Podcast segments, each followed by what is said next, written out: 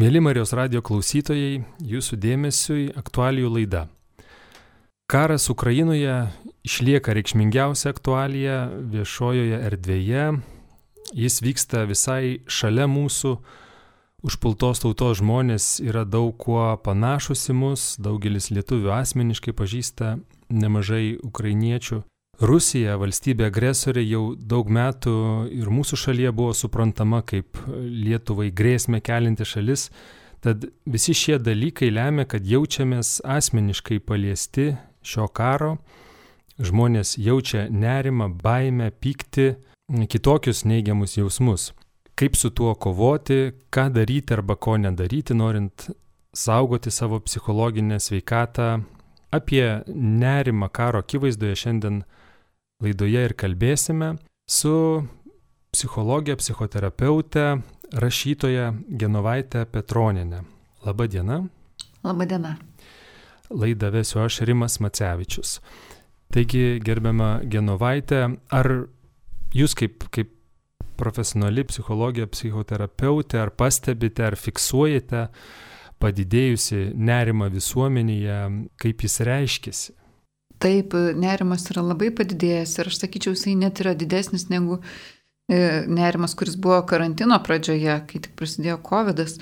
E, ir savo klientų tarpe, ir savo pažįstamų tarpe, ir, tai, ir tie yra, ne yra protingi žmonės, tai beveik kas antras žmogus yra labai išsiderinęs, e, prislėgtas, suirzęs, išsigandęs, tai vienareikšmiškai, vienareikšmiškai. Aš girdėjau e, e, kažkuri tai e, agentūra statistinė suskaičiavo, kad 70 procentų žmonių paveikti to nerimo, bet manyčiau, kad dar 30 procentų ko gero irgi nėra taip jau visai ramus, tiesiog gal ne, neišreiškia to taip aiškiai. Paminėjot visuomenės nerimo lygį pandemijos pradžioje, ar karo nerimas, karo grėsmė kažkaip išskirtinai ir specifiškai paliečia ir tas nerimas yra specifiškas būtent e, jaučiant karo grėsmę ar, ar ne? Na, galbūt e, karo grėsmė paliečia galbūt daugiau turi tokių variacijų, ko bijomasi. Pandemijos atveju tarsi labiau buvo bijomasi arba pačiam susirgti ir numirt, arba kad tavo artimiesiems kažkas atsitiks. O čia yra labai daug variantų. Na, taip, pradėsim, ko gero, dažniausiai pasitaikantis variantas bijomasi, kad e, e, subombarduos, užmuš kažkaip tai į pavojų paklius mano artimieji, ten vaikai, žmona, vyras. Čia dažniausias, ko gero. E, kitas variantas, kad aš pats tenais pagriuvėsiais kažkur žūsiu, e, man labai skaudės, tai bus baisus, beprasmiškas galas, tokių gyvenimo momentų, kai dar nepakankamai padariau, kai ta mirtis visai nelaiku. Kitas variantas - pabėgėlio gyvenimas. Reiškia, kad viską teks mesti, kažkur trenktis į kažkokią šalį, kažkokiose slėptuvėse ten slėptis be, be maisto, šalti, galbūt sirgti, kažkur važiuoti, per kokią tai sieną grūstis kamščiuose, nuvažiuoti kažkur tai palapinėse gyventi, nebeturėti nei pinigų, nei komforto. Neaišku, kaip, na, va toksai, kaip sakyt, valka tos bomžo, reiškia, toksai nusimato gyvenimas. Toliau e, ir galbūt ilgam. Nes dar viena iš baimių - baimė prarasti savo finansus ir, ir, ir, jau kai kurie dėja ir praradinėja, tie, kurie, kurių na, verslai buvo susijęs su Rusija, su Ukraina, tiem žmonėm jau dabar riesta, bet jeigu čia subombarduotų Vilnių, tai aišku, daug kas netektų namų, daug kas, kaip, kaip tik tie būtai, tie ir yra pagrindiniai žmogaus finansai, valstybė irgi nebeaišku, kokias jau ten išmokas be išmokėtų ir iš kur jinai gautų pinigų. Taigi dar, vienas, dar viena baime, taip, kad dirbai, dirbai visą gyvenimą ir staiga nieko nebeturi ir vėl pradedi nuo žemiausio laiptelio. Na, ko gero, dar yra labai labai svarbi baime, kad tektų tada ateitų čia rusai, tektų kolaboruoti su jais, tektų vėl pataikauti, nebūtų galima nei išvažiuoti, nei prieiti prie informacijos, čia gaudytų, šaudytų tuos, kurie priešinosi. Na ir nebebūtų jau jokio laisvo gyvenimo, būtų taip kaip sovietų laikais. Tai, tai va sakyčiau, tokios baimės dabar ateina į galvą, aišku, dar jų galima ir daugiau iškasti, žmonės labai kūrybiškai jų, jų randa, bet, na, jos yra klaikios visos. Gal labiau to, kaip būtų su rusais, gal labiau bijo tie, kurie jau gyveno su rusais, tokie mano amžiaus žmonės ar, ar, ar vyresni. Na, o tie, kurie negyveno, galbūt labiau bijo dviejų pirmų. Iš tikrųjų, baisus e, dalykai ir, kaip sakot, fantazija žmonės gali įvairiausių dar prisigalvoti. Niekas negalėtų paneigti, kad tai yra visiškai nepagrysta. Atominio karo dar žmonės bijo, nes čia jau iš viso katastrofa, kad visa Europa žus. Taip. Ir tai negalėtume sakyti, kad visiškai nepagrysta, tačiau vis tiek tai yra didelė dalimi toks vaizduotės e, vaisius. Ta, tas nerimas kyla būtent iš to tokio realaus įsivaizdavimo, kol kas netikrų faktų, bet, bet būtent iš, e, iš vaizduotės, iš išleidimo savo įsivaizduoti ir įsijausti į tą situaciją, kurias pavardinot. E, žodžiu, aš jau čia bandau klausti, kaip su to kovoti, iš kur tai kyla ir kiek tai galime valdyti. E, na, va čia ir yra pats įdomiausias momentas, kad valdyti tą galima labai ribotai. Nes e, visi šitie pavardinti vaizdiniai siaubingi, jie yra susiję su grėsme gyvybei. Su grėsme ir kai pas mus, kai mes susidurėme su situacijom, kuriuose yra grėsmė gyvybei, mes reaguojam visiškai kitom emocijom, kitų intensyvumu, negu kai susidurėm su situacijom, kuriuose nėra grėsmės gyvybei. Pavyzdžiui, kokios nors santykių situacijos, ten karjeros situacijos, na, te, ten nėra grėsmės gyvybei ir emocijos daug mažesnės. Ir kai emocijos pasidaro labai stiprios, va, įsijungia ta išlikimo baime, yra tokia savoka psichologijai tolerancijos langas, kad mes galim pritaikyti psichologinės žinias, mes galime savo emocijas valdyti protų tik tai tam tolerancijos lange. O tolerancijos langas reiškia, kad jeigu tu esi žemiau to tolerancijos lango, tai esi koks nors snūdas, labai, labai pavargęs, labai e, e, ar sergantis ir, ir tikrai to jau, kai yra taip, kai žmogus visai neturi jėgų, nelabai jis pritaiko psichologiją, tiesiog jį neša tą būseną ir neša ir jis nesukoncentruoja dėmesio. Arba tada, kai jau esi virš to tolerancijos lango, kai emocijos tiek stiprios, kad jos jau, na, mes visi esam tą patyrę išmušimą iš tolerancijos lango stipraus konflikto metu, kad puikiai žinai, kad nereikėtų, kad reikėtų dabar nebesiginčyti to sustoti, bet nėra to, tos svirtelės, to, tos rankenėlės viduje, kad prisukti tą ir kad kažkaip tai, vat, kažkaip save paimti už pakarpos ir ištraukti iš to konflikto. Viskas dingia, viskas paskendi, tave tiesiog neša jau kaip lavina ir, ir viskas. Ir, ir pabėgti nebeįmanoma nebeįmanoma ir sustoti nebeįmanoma. E, pritaikyti psichologas negalima. Ir tokį žmogų, jeigu tik tai va čia reikėtų pasakyti, kad reakcija nebūtinai tokia kaip konflikte, kad e, trys gal, na, aš sakyčiau, dvi tokios dažniausios reakcijos pasireiškia tuo metu.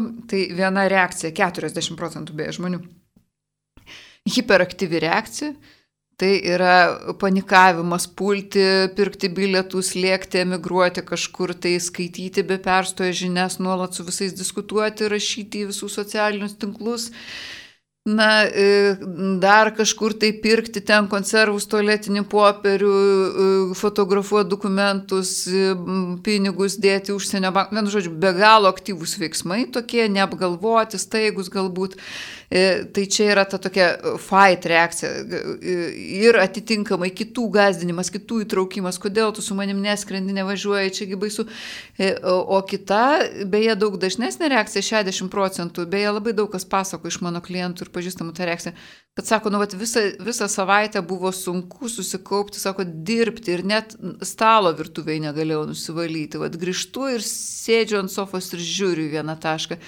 Ir galvoje sukasi e, e, tas ruminacijos procesas, čia dar yra įdomi savoka, kad žmogus viduje ratai suka keletą tų baisių vaizdinių arba, arba minčių, kad, o Dieve, ką daryti, E, viskas tuoj baigsis, e, e, nieko negalima padaryti. Nu, at kažkas tai tokia. Ir sustingimo reakcija viduje kažkokia įtampa kraštutinė, kaip susiriša, kaip į mazgą.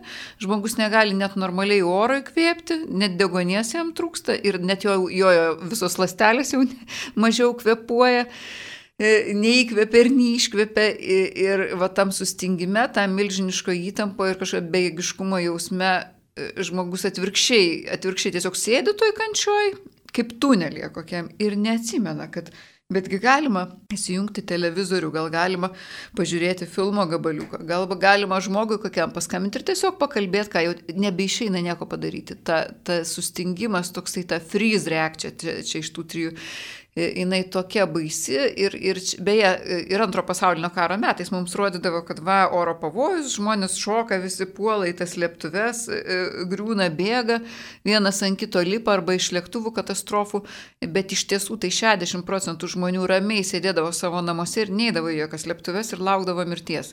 Arba iš tų pačių lėktuvų degančių irgi dalis, dalis lipdavo per galvas, dalis iš viso sėdėdavo, iš viso sustingė ir nes, nes atrodė, kad kur čia benubėgs ir ir, ir iš viso, kam to reikia, e, įsijungdavo va, ta sustingimo reakcija. Tai tokios klaikios reakcijos, tokios stiprumo, jos įsijungia būtent, kai iškyla grėsmė gyvybė, jos yra visiškai automatiškos. Pavyzdžiui, daugelis prievartavimo aukų, sakysim, nesigina, nereikia, nebėga, nes įsijungia ta sustingimo reakcija. Tai vad mes dabar galėjom čia taip pasižiūrėti. Tik tai reikia pasakyti tai, kad ne visiems žmonėms, ne visiems žmonėms, kai iškyla toks mirtinas pavojus, va būtent gaunasi ta reakcija kaip į psichinę traumą. Nes čia, kai, kai iškyla gyvybei pavojus, tai traumos, vadinama traumų psichologija. Tai ne visiems, ne visiems būna trauma, ne visiems būna iš karto beje, vieniems būna iš pradžių labai aštri reakcija, paskui jinai kažkaip tai sumažėja, ten pirmosiom dienom buvo baisiausia tiem žmonėm, kitiem atvirkščiai pavėluota, iš pradžių jie tarsi netiki, tarsi ne, nesvarbu, tarsi psichika nuneigia, paskui staiga jiems kažkoks tai jau pri, prikapsi, kažkas tai užtvanka pramuša. Pas kitus kažkokia chroniška gaunasi, gal mažesnė, bet nuolat veikianti kad žmogus jau negali atsipalaiduoti. Beje, labai įdomi, kai kurie žmonės, vad sako, oi ne, aš čia šaltai, viskas tvarkoju, man viską suprantu, nieks mūsų nepuls, bet žmogus nemiega kažkodėl naktį. Reiškia, jisai nu, racionalizuoja, iš tikrųjų jis jaučia tas emocijas, bet jisai bando, bando su juom kovoti, bet jo kūnas su juom jau nesukovoja. Tai va, tai kai tokios stiprumo reakcijos yra, čia kaip sakoma, reaguoja mūsų vidinis vaikas, vidinio vaiko dalis, vaikiškiai jausmai. Ir čia dar reikėtų ką pasakyti, kad va, kodėl, sakysim, pas vienus jos baisesnės, pas kitus e, didesnės, nors čia nieko yra nenormalaus, kad didelės, nes jeigu 70 procentų žmonių, tai, tai kas yra ta norma, tai ta norma ir yra dauguma. Tai, bet vis tiek, aš žiūrėdama į savo klientus, tai pamačiau, kad skaudžiausios, didžiausios tos reakcijos tai buvo pa žmonės, kurie ir taip gyvenime jaučiasi nesaugiai dėl kitų dalykų. Pavyzdžiui, santykių birėjimo laikas, šeimos birėjimo laikas, kažkoks tai su darbu problemos didelis ir žmogui jau ir taip nesaugu buvo. Čia jau ir be jokio karo situacijos jam buvo kaip reikiant nesaugu. Gal ne iki tiek, kad jau gyvybė grėstų, bet jau jisai gal ir taip naktį neužmigdavo. Ir jeigu ant šito viso dar užmetame dar karo baimę ir, ir tada jau perviršė visas ribas nerimas. Arba Bet kita žmogui... vertus mhm. kartais sako, kad dabar vat, užėjus karui visos kitos problemos tapo tokios menkutės, pavyzdžiui, jau neberūpi ten tie COVID susirgymai ir užsikrėtimai nebe tiek rūpi, kad liktai nustelbė ir jau nebe tiek rūpinasi dėl kitų dalykų. Na taip, taip, nes ši čia tokia jau tokia baisiausia. Dabar, kad tas COVID jau mūsų toks pusiau pasibaigęs, jau tas ne, nebebaisus omikroninis, aišku, jis nebesudaro grėsmės gyvybei.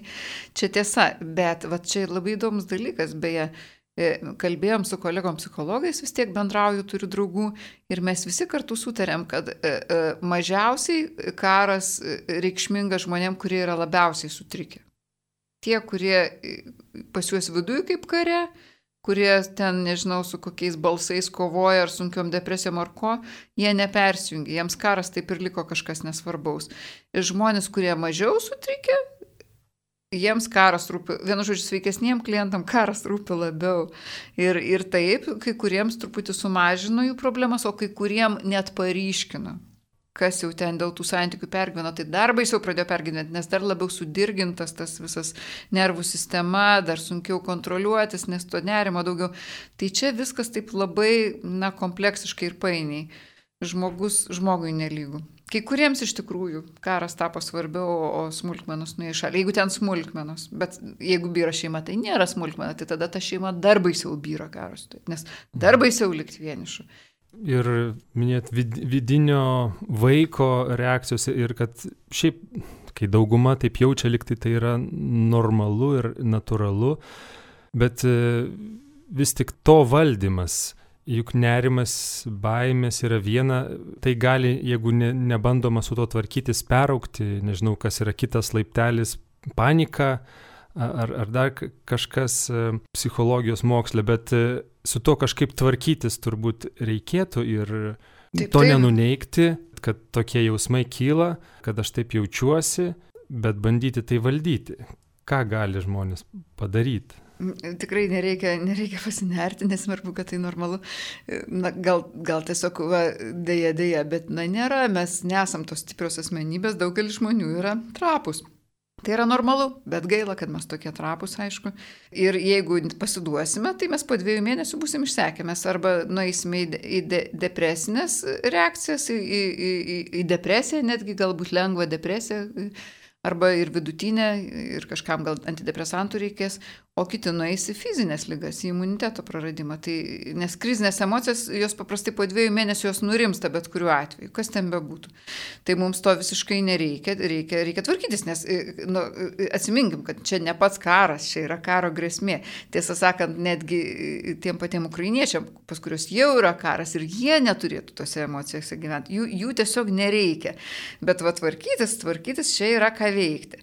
Tai, tai dabar kalbant apie, apie tvarkymas, na visų pirma, labai, labai čia turi daug reikšmės, va, sako, kai žmogus yra apimtas labai labai stiprios baimės, tai nelaikas su juo tenais aiškintis freudistiškai kaip nors, kur tu čia, kada čia dar tą baimę jautėjai, gal e, e, reiškia, e, lo, ypač, ypač ko neverta ir ką žmonės labai didelę klaidą daro dabar aplinkui, kad paima, va tarkim, šeima yra, na tarkim, moteris labiau apimta baimės, vyras mažiau. Na ir jisai pradeda aiškinti, kokia jinai durna ir kaip čia nereikia bijoti.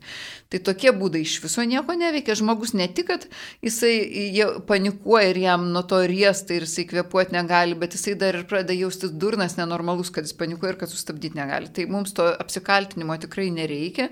Jau ir taip to apsikaltinimų kitų daug, daug kad čia, o nežinau, ką daryti, neišgelbėsiu ten vaikų, nežinau, kaip su pinigais susitvarkyti ir taip toliau. Tai, tai nereikia va šitaip daryti, reikia žmogui tiesiog kaip galint greičiau, jeigu apėmė paniką, E, atsidurti tokioje aplinkoje fiziškai arba virtualiai, kurioje jauti saugumą.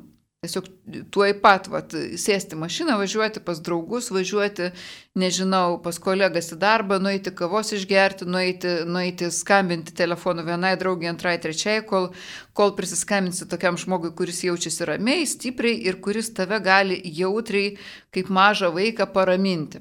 Būtent kaip mažą vaiką, o ne kaip suaugusi ir nepradėsiu tam ginčytis, kad kodėl tu čia taip jauti, tu taip nejaus, ko tu negali nejaus. Tai, tai va, reikia, reikia iš karto ryšį su žmonėmis mėgsti. Ir kitas būdas, na, bet ryšys su žmonėm, atsakyčiau, čia ir pirmas būdas, ir antras būdas, ir trečias būdas. Tik tai nebandyti su panikos emocijom susitvarkyti vienam, nes iš karto galiu pasakyti, nepavyks.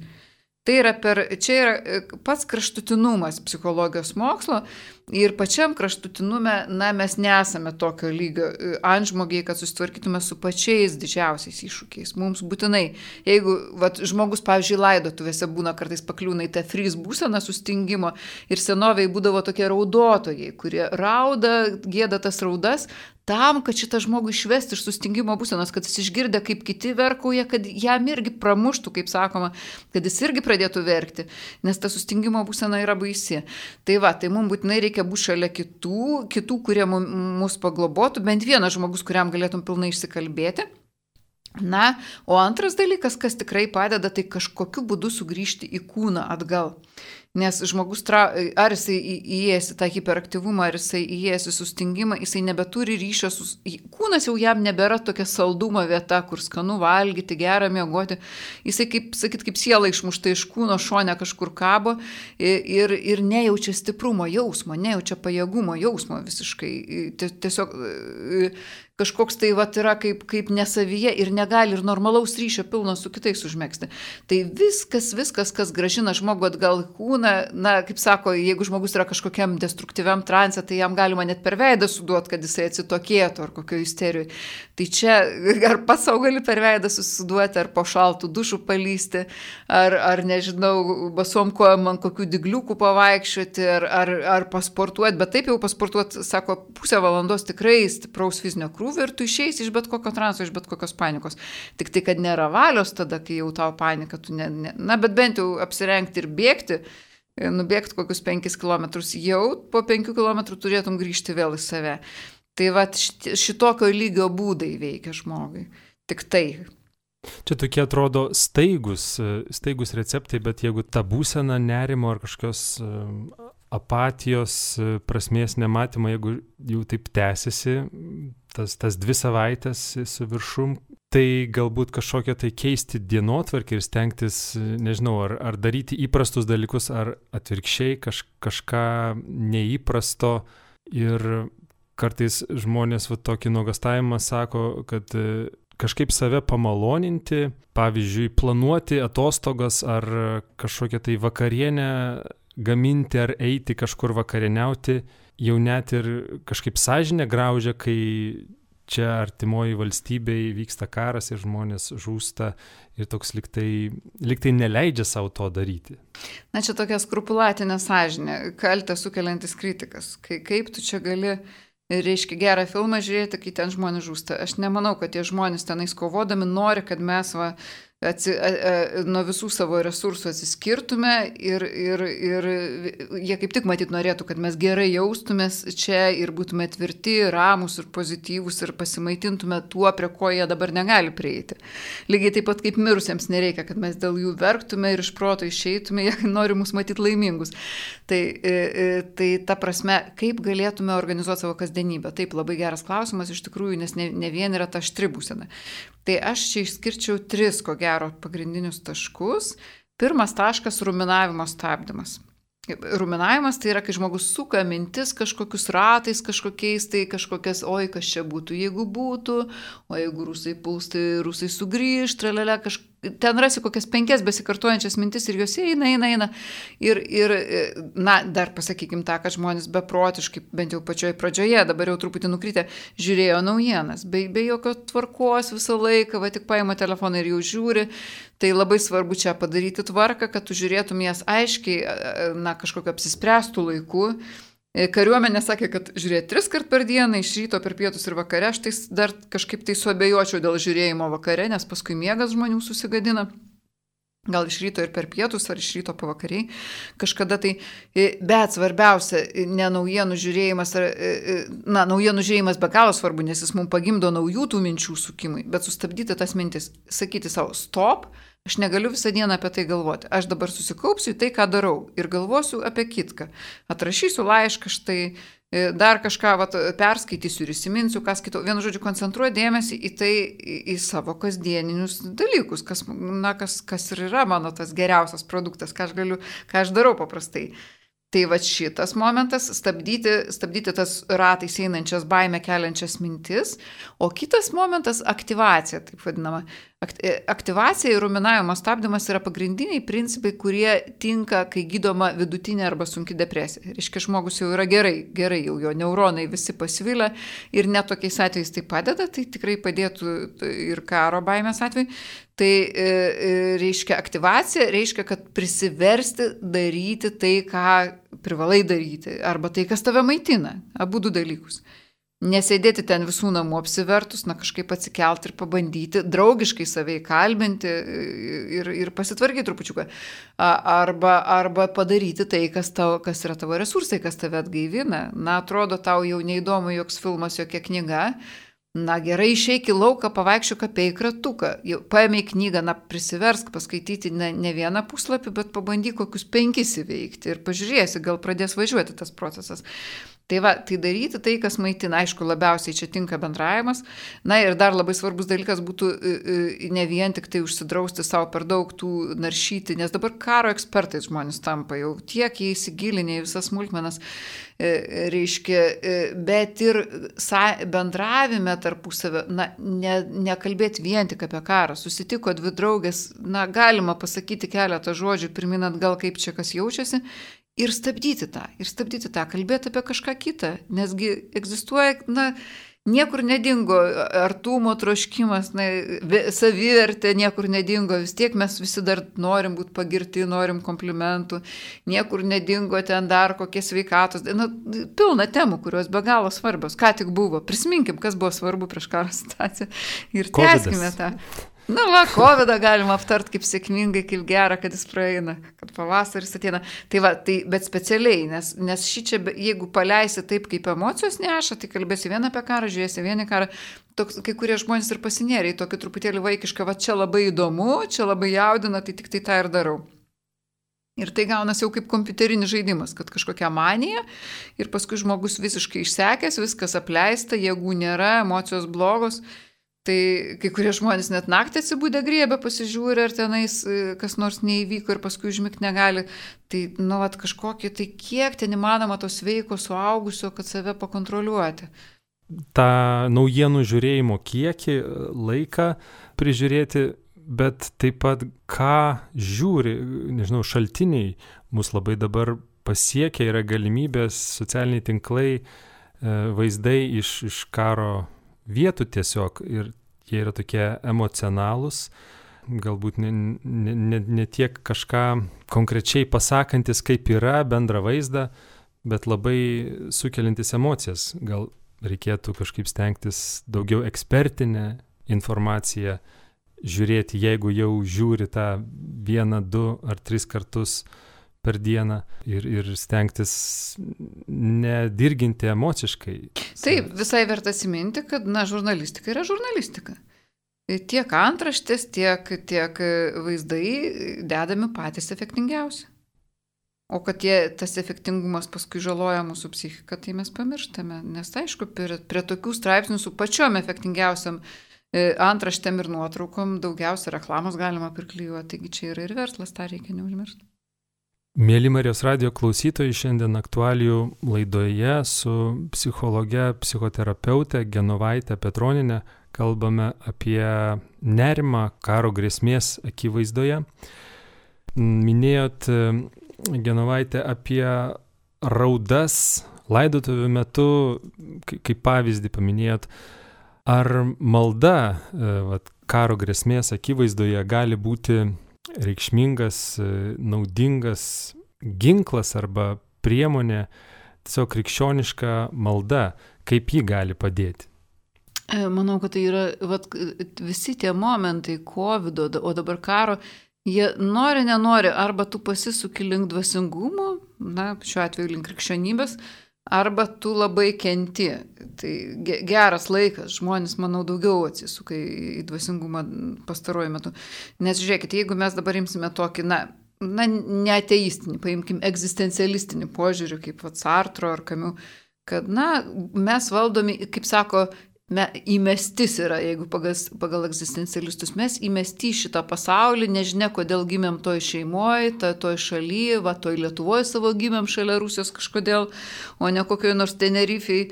E, ir, ir, ir, ir neaišku, kaip su mumis toliau bus, ar čia bus karas, ar čia kokia dar pandemija dar baisesnė teis. E, tai jeigu taip žiūrėti pasaulį, tai labai sunku gyventi, labai, na, gali pasidaryti ir ciniškas tada, gali pasidaryti ir bejėgiškas, vis, visokios reakcijos gali kilti matant, aišku, dar, dar būtų neprotingiau iš viso to nematyti, kad iš tikrųjų pasaulis yra nesaugus, kaip, kaip, kaip, kaip kurie žmonės įsivaizduoja, kad, ai, čia nekai, nors jau, na, dabar jau kai antras toks dalykas per keletą metų, tai jau sunku jau patikėti, kad tas pasaulis saugus ir racionalus. Nu, tiesą sakant, jau atrodo, kad iš tikrųjų labai jaučiasi, kad iš malonės mes čia gyvename, o ukrainiečiai iš malonės nelabai gyvena, prašiau gyvena. Va, bet, bet es, esmė čia yra, yra tokia, kad taip, čia gali būti, įsivaizduojam, įsivaizduojam patį baisiausią atvejį, pradeda bombarduoti Vilnių, ar ne?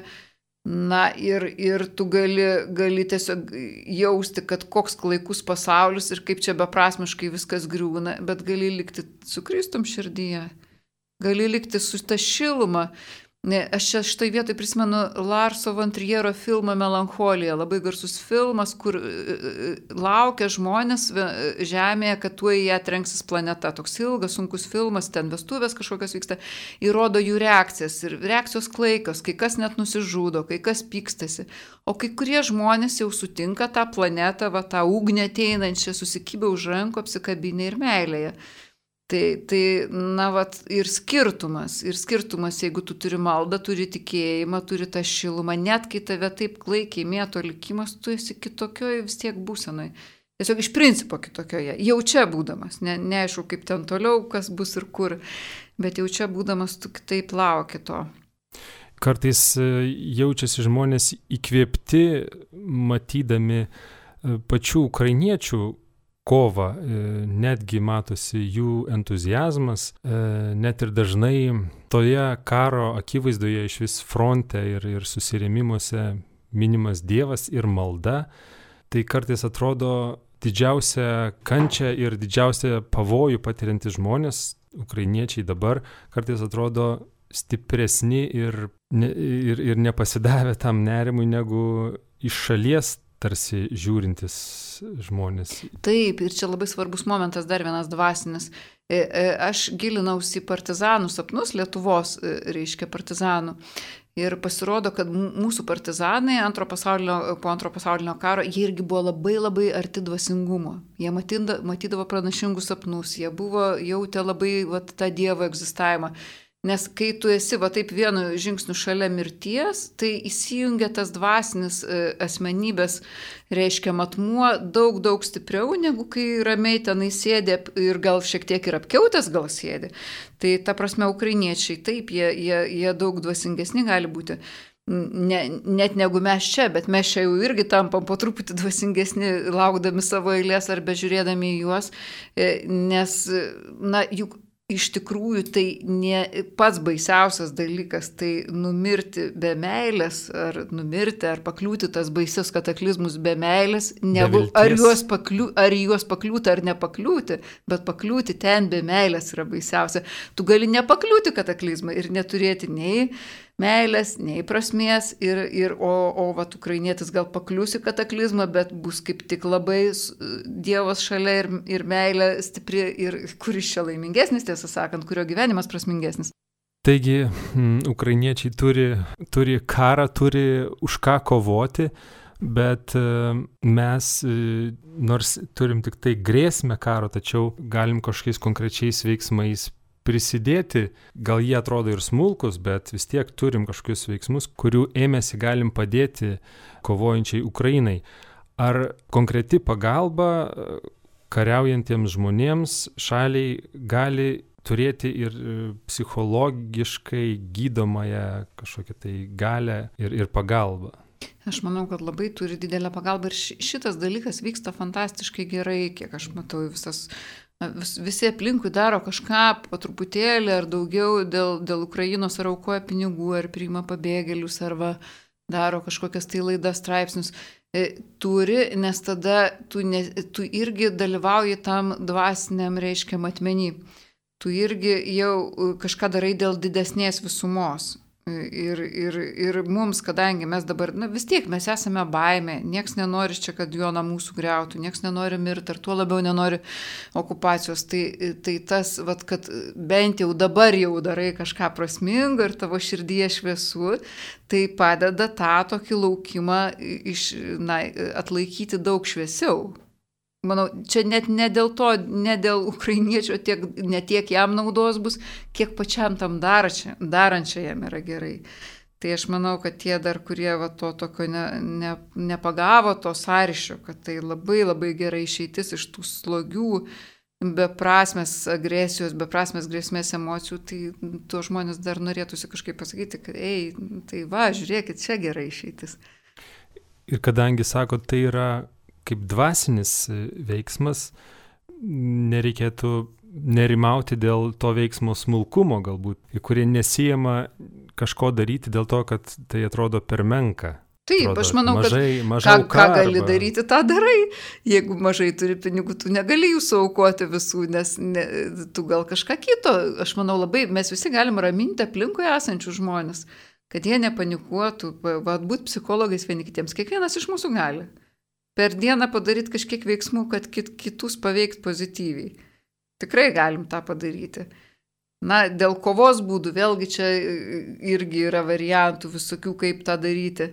E, finansiškai, kas daugiau gali, kas mažiau. Na, tik, tikrai, bet psichologiškai ko gero daugiausiai netgi galim kiekvienas nuveikti. Čia gal visai ir galėtų būti atskira tema, bet bent trumpai galėtume paliesti kaip kalbėti su vaikais, kažkaip jiems paaiškinti, kai ma, jie jaučia, mato, kad nerimauja artimieji, mama, nežinau, tėtis, broliai, seserys, bet jie vis galbūt nesupranta iki galo, kas vyksta, nesupranta, kas yra karas, reikia kažkaip paaiškinti ir kalbėjom, kad reikia išjausti, ne, nebijoti savo jausmų, bet e, kartais įmama juos stabdyti, kad jų nematytų, pavyzdžiui, vaikai, kuriem, kurie to nesupranta. Na, čia tokia kebli situacija. Aš sakyčiau, žmonės, kurie gyvena su vaikais, jie turėtų daug didesnį, daug labiau užsiimti savo, savo būseno sutvarkymu. Nes dar kažkas tai nuo tos būsenos gali nukentėti, kurie jau vieni gyvena vienokią atsakomybę, o ten kitokią. Nes vaikas, jeigu mato, kad tėvai nerimauja, jisai nerimauja trigubai daugiau. Ir nebūtinai tėvai turi kalbėti. Vaikai mato, jie nuskanuoja kūno kalbą ir, ir supranta, kad tėvai labai nerimauja. Tai ten labai daug ir neprislėpsi, tėvai galvoja, kad jie paslėpia, bet jie nieko nepaslėpia, Vaik, vaikams dar baisiau, kai kažkas tokio paslėpto ten vyksta. Tai iš tikrųjų reikia kalbėti, reikia kalbėti kiek galima ir kad tie vaikai patys nusiramintų ir kad jie matytų, kad tėvai kažkiek bijo, bet tėvai turi kažkokių tai minčių, kaip čia, kaip čia, galim, kaip čia gali būti kokių gal išeičių numato, būtinai čia turi būti daugiau žodžių šitoje vietoje, kad visi būtų kartu. Tik tai gingdėvę nebandyti kažkaip tai vat, įsivaizduoti, kad čia mažiau šalia vaikų kalbėjai ir viską paslėpiai, nes tada vaikams gali būti atvirkščias efektas. Čia panašiai, kai būna žmogus serga kokią nors nepagydoma lyga, nieks jam normaliai nesako, kada jis mirs, bet visi vaikšto aplinkui tokie įsitempę, šnipždasi. Na ir žmogus jau įsivaizduoja, kad jis jau rytoj mirs, kad čia jau visai blogai.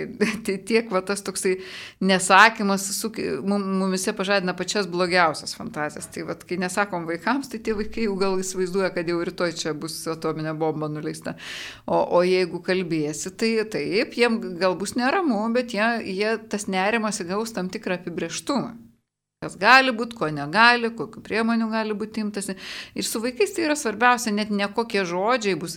Vaikams, vat, būtent tėvų būsena, tėvų balso tembras, vat, visa tai svarbiausia. Galima vaikams baisiausius dalykus paaiškinti, bet jeigu aiškinama ramiai, su šiluma ir tas vaikas kažkaip tai va, žiūri, kad jam, juk, būna, vat, kad ar mama, ar tėvas, ar serga, ar miršta, ir jeigu vaikui tą paaiškina labai jautriai, ramiai, tai tas vaikas kažkaip ir užsiliuliuoja, kad ten ant debesėlio kažkur ta mamytė sėdės ir, ir jisai nepatiria to, tos panikos, o, o, jeigu, o jeigu nieko nesako, jis gali labai supanikuoti.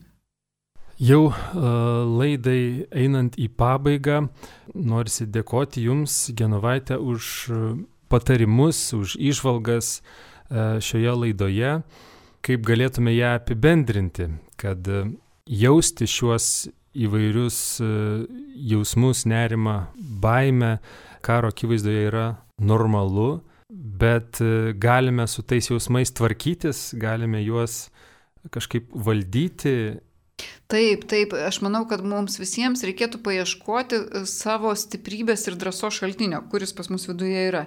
Nes, na, kaip, kaip jau mes ten begyvenome, bet vis tiek vieną ar kitą kartą buvom kraštutinėse situacijose, kai reikėjo tikrai to drąsos ir susivaldymo ir, ir buvo tikrai tokio lygio grėsmė. Arba kad ir mažesnė grėsmė, bet vis tiek kažkokia rimta grėsmė. Ir mes, nežiūrint grėsmės, nežiūrint savo išsiderinimo, tai dar nepaminėjom, dar ir pykčių daug vyksta aplink visą, nes kai žmonės išsiderina, tai jiem ir kitą norisi pulti, ir ten čia didesnis patriotas, ten mažesnis patriotas, dar tokie dalykai prasideda aplinkui ir daug jų vyksta dabar. Tai vad, kai yra išderintos emocijos, tiesiog prisiminti, aš siūlau klausytojams, kada jie jautėsi išsiderinę, jautėsi, kad negatyvus jausmai juos užplūdo ir jie kažkaip kokiu tai būdu vis tiek sugebėjo susivaldyti, vis tiek sugebėjo padaryti tą pozityvų žingsnį, vis tiek sugebėjo savo padėti, kitiem padėti. Tai va surasti tą savo sveiką, tokią suaugusią, šviesią dalį, tą stiprią dalį ir, ir kažkaip tai ją prisiminti ir ugdyti ją kasdieną. Man tai labai patinka žiūrėti į ukrainiečių prezidentą, na visam pasauliu, ko gero patinka jį žiūrėti, nes jisai yra tiesiog įsikūnymas tos būsenos. Kai jisai kalba, tai jaučiasi ta pozityvi, rami ir stipri būsena. Tai va ieškoti tos būsenos savyje. Kur jinai pas mane yra? Pas mus kiekviena jinai yra. Ir jeigu ją randi, tai tada jau tu visai kitaip dalyvauji šitoje situacijoje. Tu gali kaip tik va savo dvasingumą labai paauginti ir, ir iš tikrųjų tas laikas bus ypatingas ir nors sunkus, bet jis paskui atsiminsi jį kaip gerą laiką netgi. O, o jeigu prarasi, vat, paskesi bėgiškume, tai aišku bus daug kančios ir, ir dėja gali būti ir beprasmiška ta kančia. Taigi belieka ir palinkėti mėly Marijos radio klausytojai, kad visi paugėtume dvasiškai, kad rastume jėgų nepasiduoti nerimui, liūdėsiu ir veikti kaip tik tai galėdami, kaip įmanydami Ir visada galite, jeigu neturite su kuo kartu melstis, visada tai galite daryti kartu su Marijos radiju. Dienos metu šią intenciją už Ukrainą yra melžiamasi, taigi kviečiame jungtis. Ir ačiū, kad klausėtės šios laidos. Aktualijų rubrikoje buvo psichologė, psichoterapeutė, rašytoja Genovaitė Petroninė. Kalbėjome apie nerimą karo grėsmės akivaizdoje. Aš Rimas Macevičius, atsisveikiname su jumis iki kitų kartų. Sudė. Viso geriausio.